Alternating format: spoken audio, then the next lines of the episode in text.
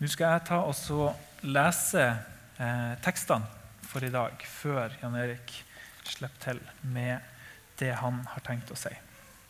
Da, eh, jeg prøver meg på nordnorsk, og så får dere bare holde ut hvis det er vanskelig å forstå. Men da føles det litt mer naturlig for meg å, å lese. Så Vi skal starte i Salme 33, vers 18 til 22. Men Herrens øye hviler på dem som frykter ham og venter på hans miskunn. Så han kan fri dem ifra døden og holde dem i live gjennom hungersnød. Sjelen vår venter på Herren, og han er vår hjelp og vårt skjold. Hjertet vårt gleder seg i Han. Vi setter liten vår til Hans hellige navn. La din miskunn være over oss, Herre. Det er deg vi venter på. Så er det evangelieteksten fra Johannes 14, 1-4. La ikke hjertet bli grepet av angst. Tru på Gud og tru på meg. I min fars hus er det mange rom. Var det ikke sånn, så hadde, hadde jeg da sagt dere at jeg går for å gjøre i stand et sted for dere. Og når jeg har gått og gjort i stand et sted for dere, eh, vil jeg komme tilbake og ta dere til meg, så dere skal være der som jeg er. Og dit jeg går, vet dere veien. Siste teksten fra Hebreerbrevet, kapittel 6, eh, og vers 13 og til starten av vers 19. Da Gud ga Abraham løftet, sverga han ved seg sjøl, for han hadde ingen større å sverge ved. Han sa, 'Sannelig vil jeg velsigne deg rikt og gjøre din ett uendelig tallrik.' Og Abraham venta tålmodig og fikk det som Gud hadde lova. Mennesker sverger jo ved en som er større, og eden er stadfestelse en stadfestelse som gjør slutt på alle innvendinger. Gud vil gjøre det helt klart for arvingene til løftet at hans beslutning var uforanderlig. Og Derfor gikk han òg god for det eh, med en ed. Med løfte og ed to ting som ikke kan forandres. Og Gud kan ikke lyge. Så skulle eh, vi ha en mektig trøst, vi som har søkt tilflukt, ved å gripe det håpet som ligger foran oss. Dette er et trygt og fast anker for sjela. Vær så god, Jan Erik.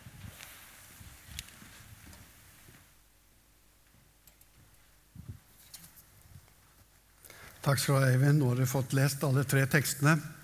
Og når jeg har forberedt dette, så har jeg tenkt at vi skal snakke om å ikke miste motet i ventetiden. Og Jeg syns det er det som kan være litt av eh, temaet som er framme i disse tekstene på forskjellige måter. Ikke miste motet i ventetiden. Det gir flere begrunnelser for nettopp det i disse tekstene. Vi hørte 'anker for sjelen', dette fine uttrykket som det også ble talt litt om for noen uker siden her om at våre ankre for sjelen er festet på innsiden av forhenget. Og derfor så kan vi være trygge. Og da trenger du ikke å miste motet i ventetiden. Og det andre som eh, er et tema i disse tekstene, det er dette vakre ordet som vi allerede har hørt litt liksom om i dag. Dette med at eh, la ditt, eh, disse øy, Herrens øyne hviler på dem som frykter ham. Det er fantastisk å tenke på at Guds øyne hviler på den som frykter Gud. Det skal du få tenke på i ventetiden. Guds øyne hviler på deg. Det minner oss litt om ordlyden i velsignelse. Herren velsigne deg og bevare deg. Herren la sitt ansikt lyse over deg og være deg nådig. Herren løfte sitt åsyn på deg og gi deg fred. Herrens øyne hvile på deg i ventetida. Leve under Guds velsignelse med sitt liv. Kan det tenkes noe bedre? Jeg hørte de gamle preka om å leve under Guds velsignede hender. Jeg syns det var så vakkert å få leve under Guds velsignede hender nå i ventetiden. Men allikevel så er det mange ting, mange saker, som kan gjøre ventetida lang for mange. Et av dem er kanskje angsten som vi hørte om i teksten. Angst som vi kjenner til, flere av oss, og kanskje mer nå i denne tid. Og En av avisens overskrifter i ukene, eh, forrige uke det var at vi har alle en farlig nabo, sto det. Vi har alle en farlig nabo. Og det var tenkt på naboen i øst. Så lenge Putin sitter med makten, så har vi en farlig nabo, sto det i denne artikkelen. Og andre har en annen form for angst. Vi har sett i avisene om unge som kaster maling på kunstverk for å peke på noe som ligger dem på hjertet. Dette med miljøkatastrofene som, som de, de, tenker på. Litt eh, alvor er det hos dem det som de ser framføre seg. De ser for seg at noe veldig alvorlig kan skje. Og noen sier at de er villige til å gå enda lenger. Vi hørte på debatten for et par ganger siden om at de var villige til å gå faktisk til vold. Og hvorfor er det slik? Hva er det som gjør dette? Det er dette lille ordet angst. Angst er det som er årsaken til det. Angst for hvordan det egentlig kan bli hvis det fortsetter slik med miljøet. Og kanskje har det litt grunn til denne angsten. Vi må forstå dem. Forskerne sier at hvis vi ikke gjør noe radikalt, så går det veldig galt. Og her synes jeg at vi som kirke og menighet ja, vi må være frimodige og være på banen. Og jeg tror det lille bidraget som er i gjenbruksbevegelsen, som vi er en del av, har litt å si. Kanskje som en dråpe i havet, men det har faktisk noe å si, det òg. Så dere som er med i gjenbruksbevegelsen, dere er med på noe veldig viktig nå. Ikke bare for å skaffe eh, penger til misjon, men det har også et miljøperspektiv over seg som er bra. Jeg tror at vi skal tenke litt mer på dette. Vi har eh, fått et eh, Vi bekjenner at eh, Gud har skapt jorden. Og vi har fått et oppdrag i å fortsette skapelsesarbeidet gjennom det vi kaller kulturoppdraget. Og Luther han sier Gud har skapt kornet, men skapelsen er ikke fullført før mølleren har malt det til mjøl. Og bakeren har bakt brød, og brødet er kommet på de sultnes bord. Og På denne måten skulle både mølleren og bakeren være medskapere, slik at skapelsen fikk være med på det som det var tenkt å være med på. Men miljøkatastrofene som kommer i verden, fører til at det ikke blir nok korn. Og det kommer ikke korn til mølleren. Og det kommer heller ikke mat på de sultnes bord. Og derfor så blir det slik at det kommer til å bli eh, katastrofer ved at det blir flyktningstrømmer, og millioner av mennesker kan dø. Gud har kalt oss til å være medskapere, til å ta vare på skaperverket. Og Derfor så skal vi forstå disse unge, eller ungdommen. Jeg forsvarer ikke disse, at de går til vold og alt sånt, men de forstår de unge som har et miljøengasjement. Og det bør vi som kirke gjøre. Vi må si at ja, det dere nå gjør, er faktisk en del av det kulturoppdraget som Gud har gitt oss. Vi må velsigne også den delen av, av deres tjeneste. Vi er kalt til å være Guds medskapere og ta det på alvor. Så i ventetiden så har vi to viktige oppdrag. Vi har mange oppdrag, men to hovedoppdrag. Vi, vi som bevegelse, misjonsbevegelse. Og Vi peker kanskje på det viktigste oppdraget og har gjort det i 130 år. Og vi skal fortsette med det. Vi skal vinne mennesker for Kristus. Forkynne evangeliet helt til Han kommer og henter sine hjem. Det er vårt hovedoppdrag. Men vi har òg, som kristne, et oppdrag å ta vare på skapningen, ta vare på jorden og være med på det. Og det er noen som satser på det. Det er to oppdrag, to meningsfylte. Det er et stort misjonsoppdrag som vi skal være med på. Og vi har et meningsfylt kulturoppdrag.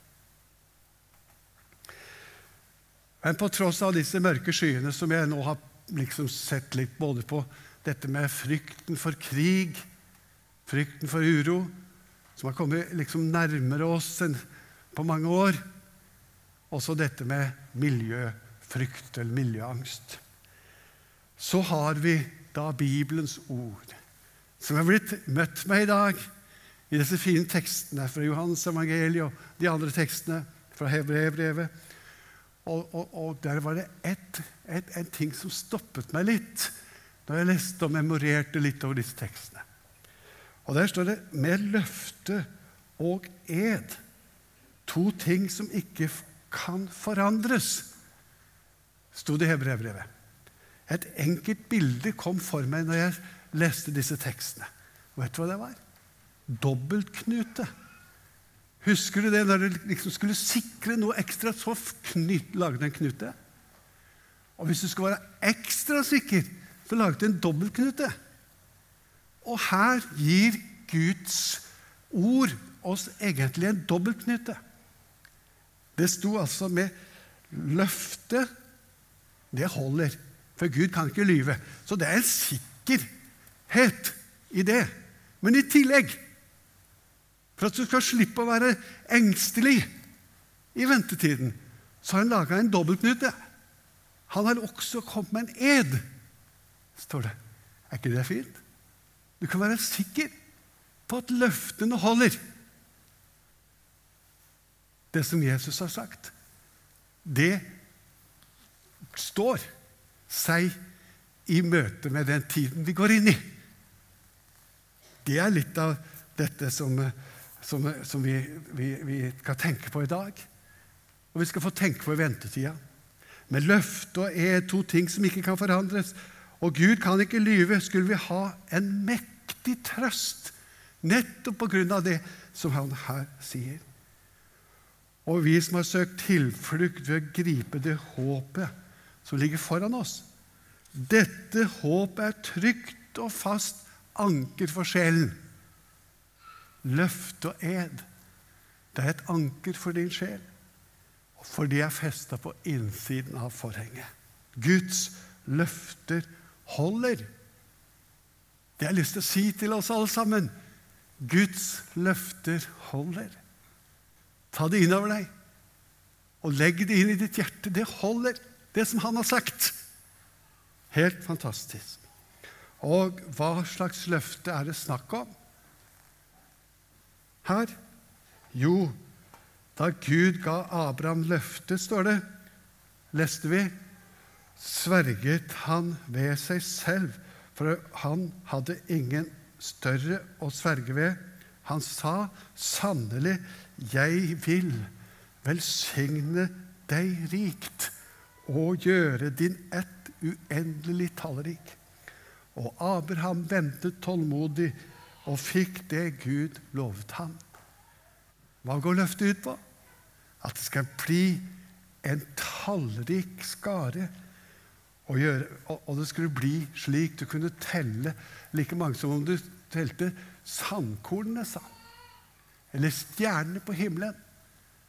Så stor skulle denne ætten bli. Abrahams barn. Guds rike. Og det er ikke rart at Jesus har et arbeid. Han skulle lage mange rom.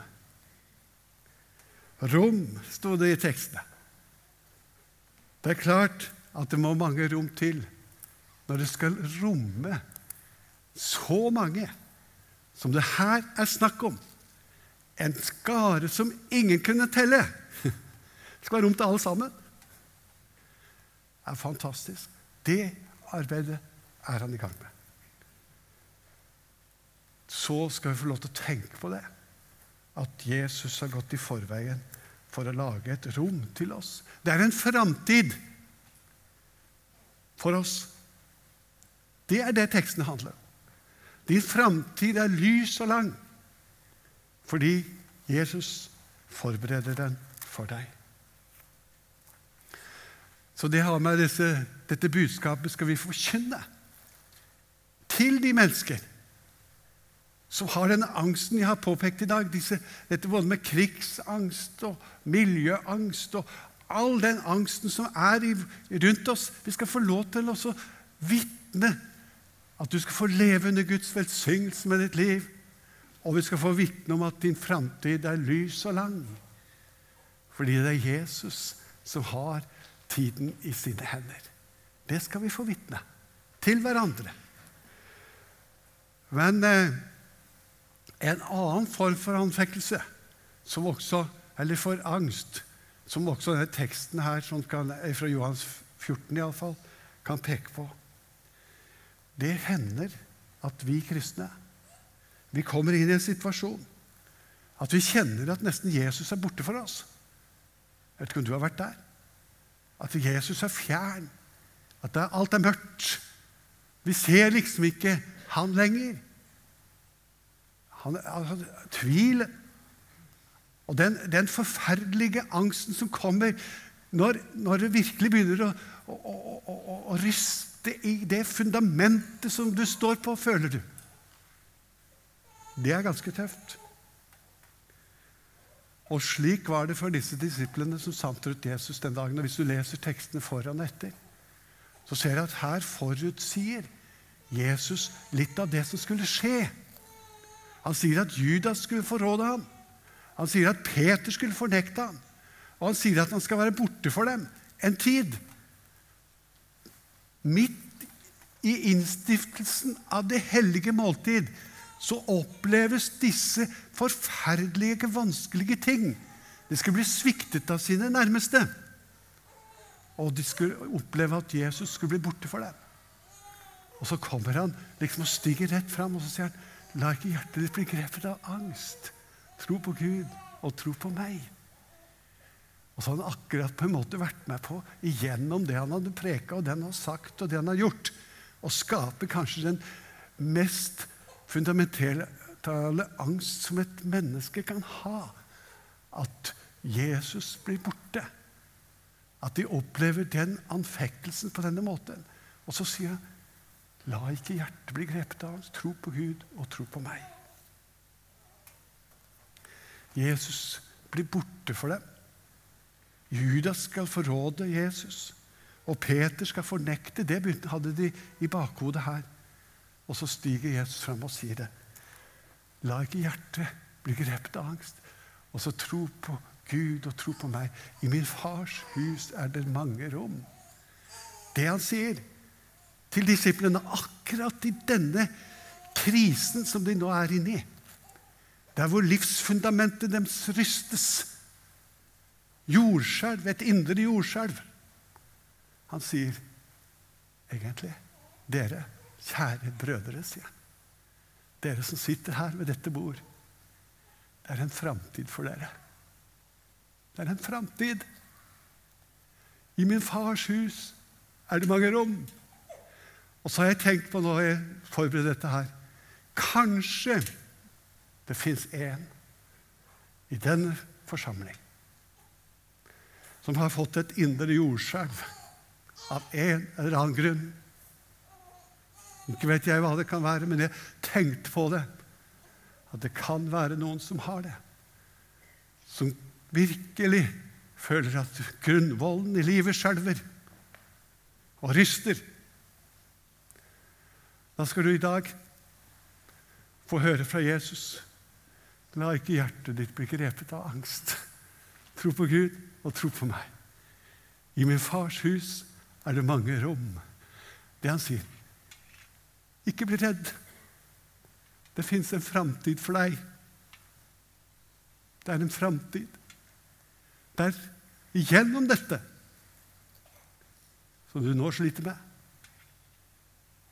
Derfor skal du slippe det som du er så redd, det som du skjelver så for. Du skal få lov til å rette dine hender imot Ham, som er din frelser, og som har gått igjennom døden, og som har, har, har vunnet, og som sitter på tronen ennå. Han er din frelser, og han har all makt i himmel og på jord. Derfor skal du ikke være redd. Du skal få lov til å vente og la din redsel få hvile hos ham.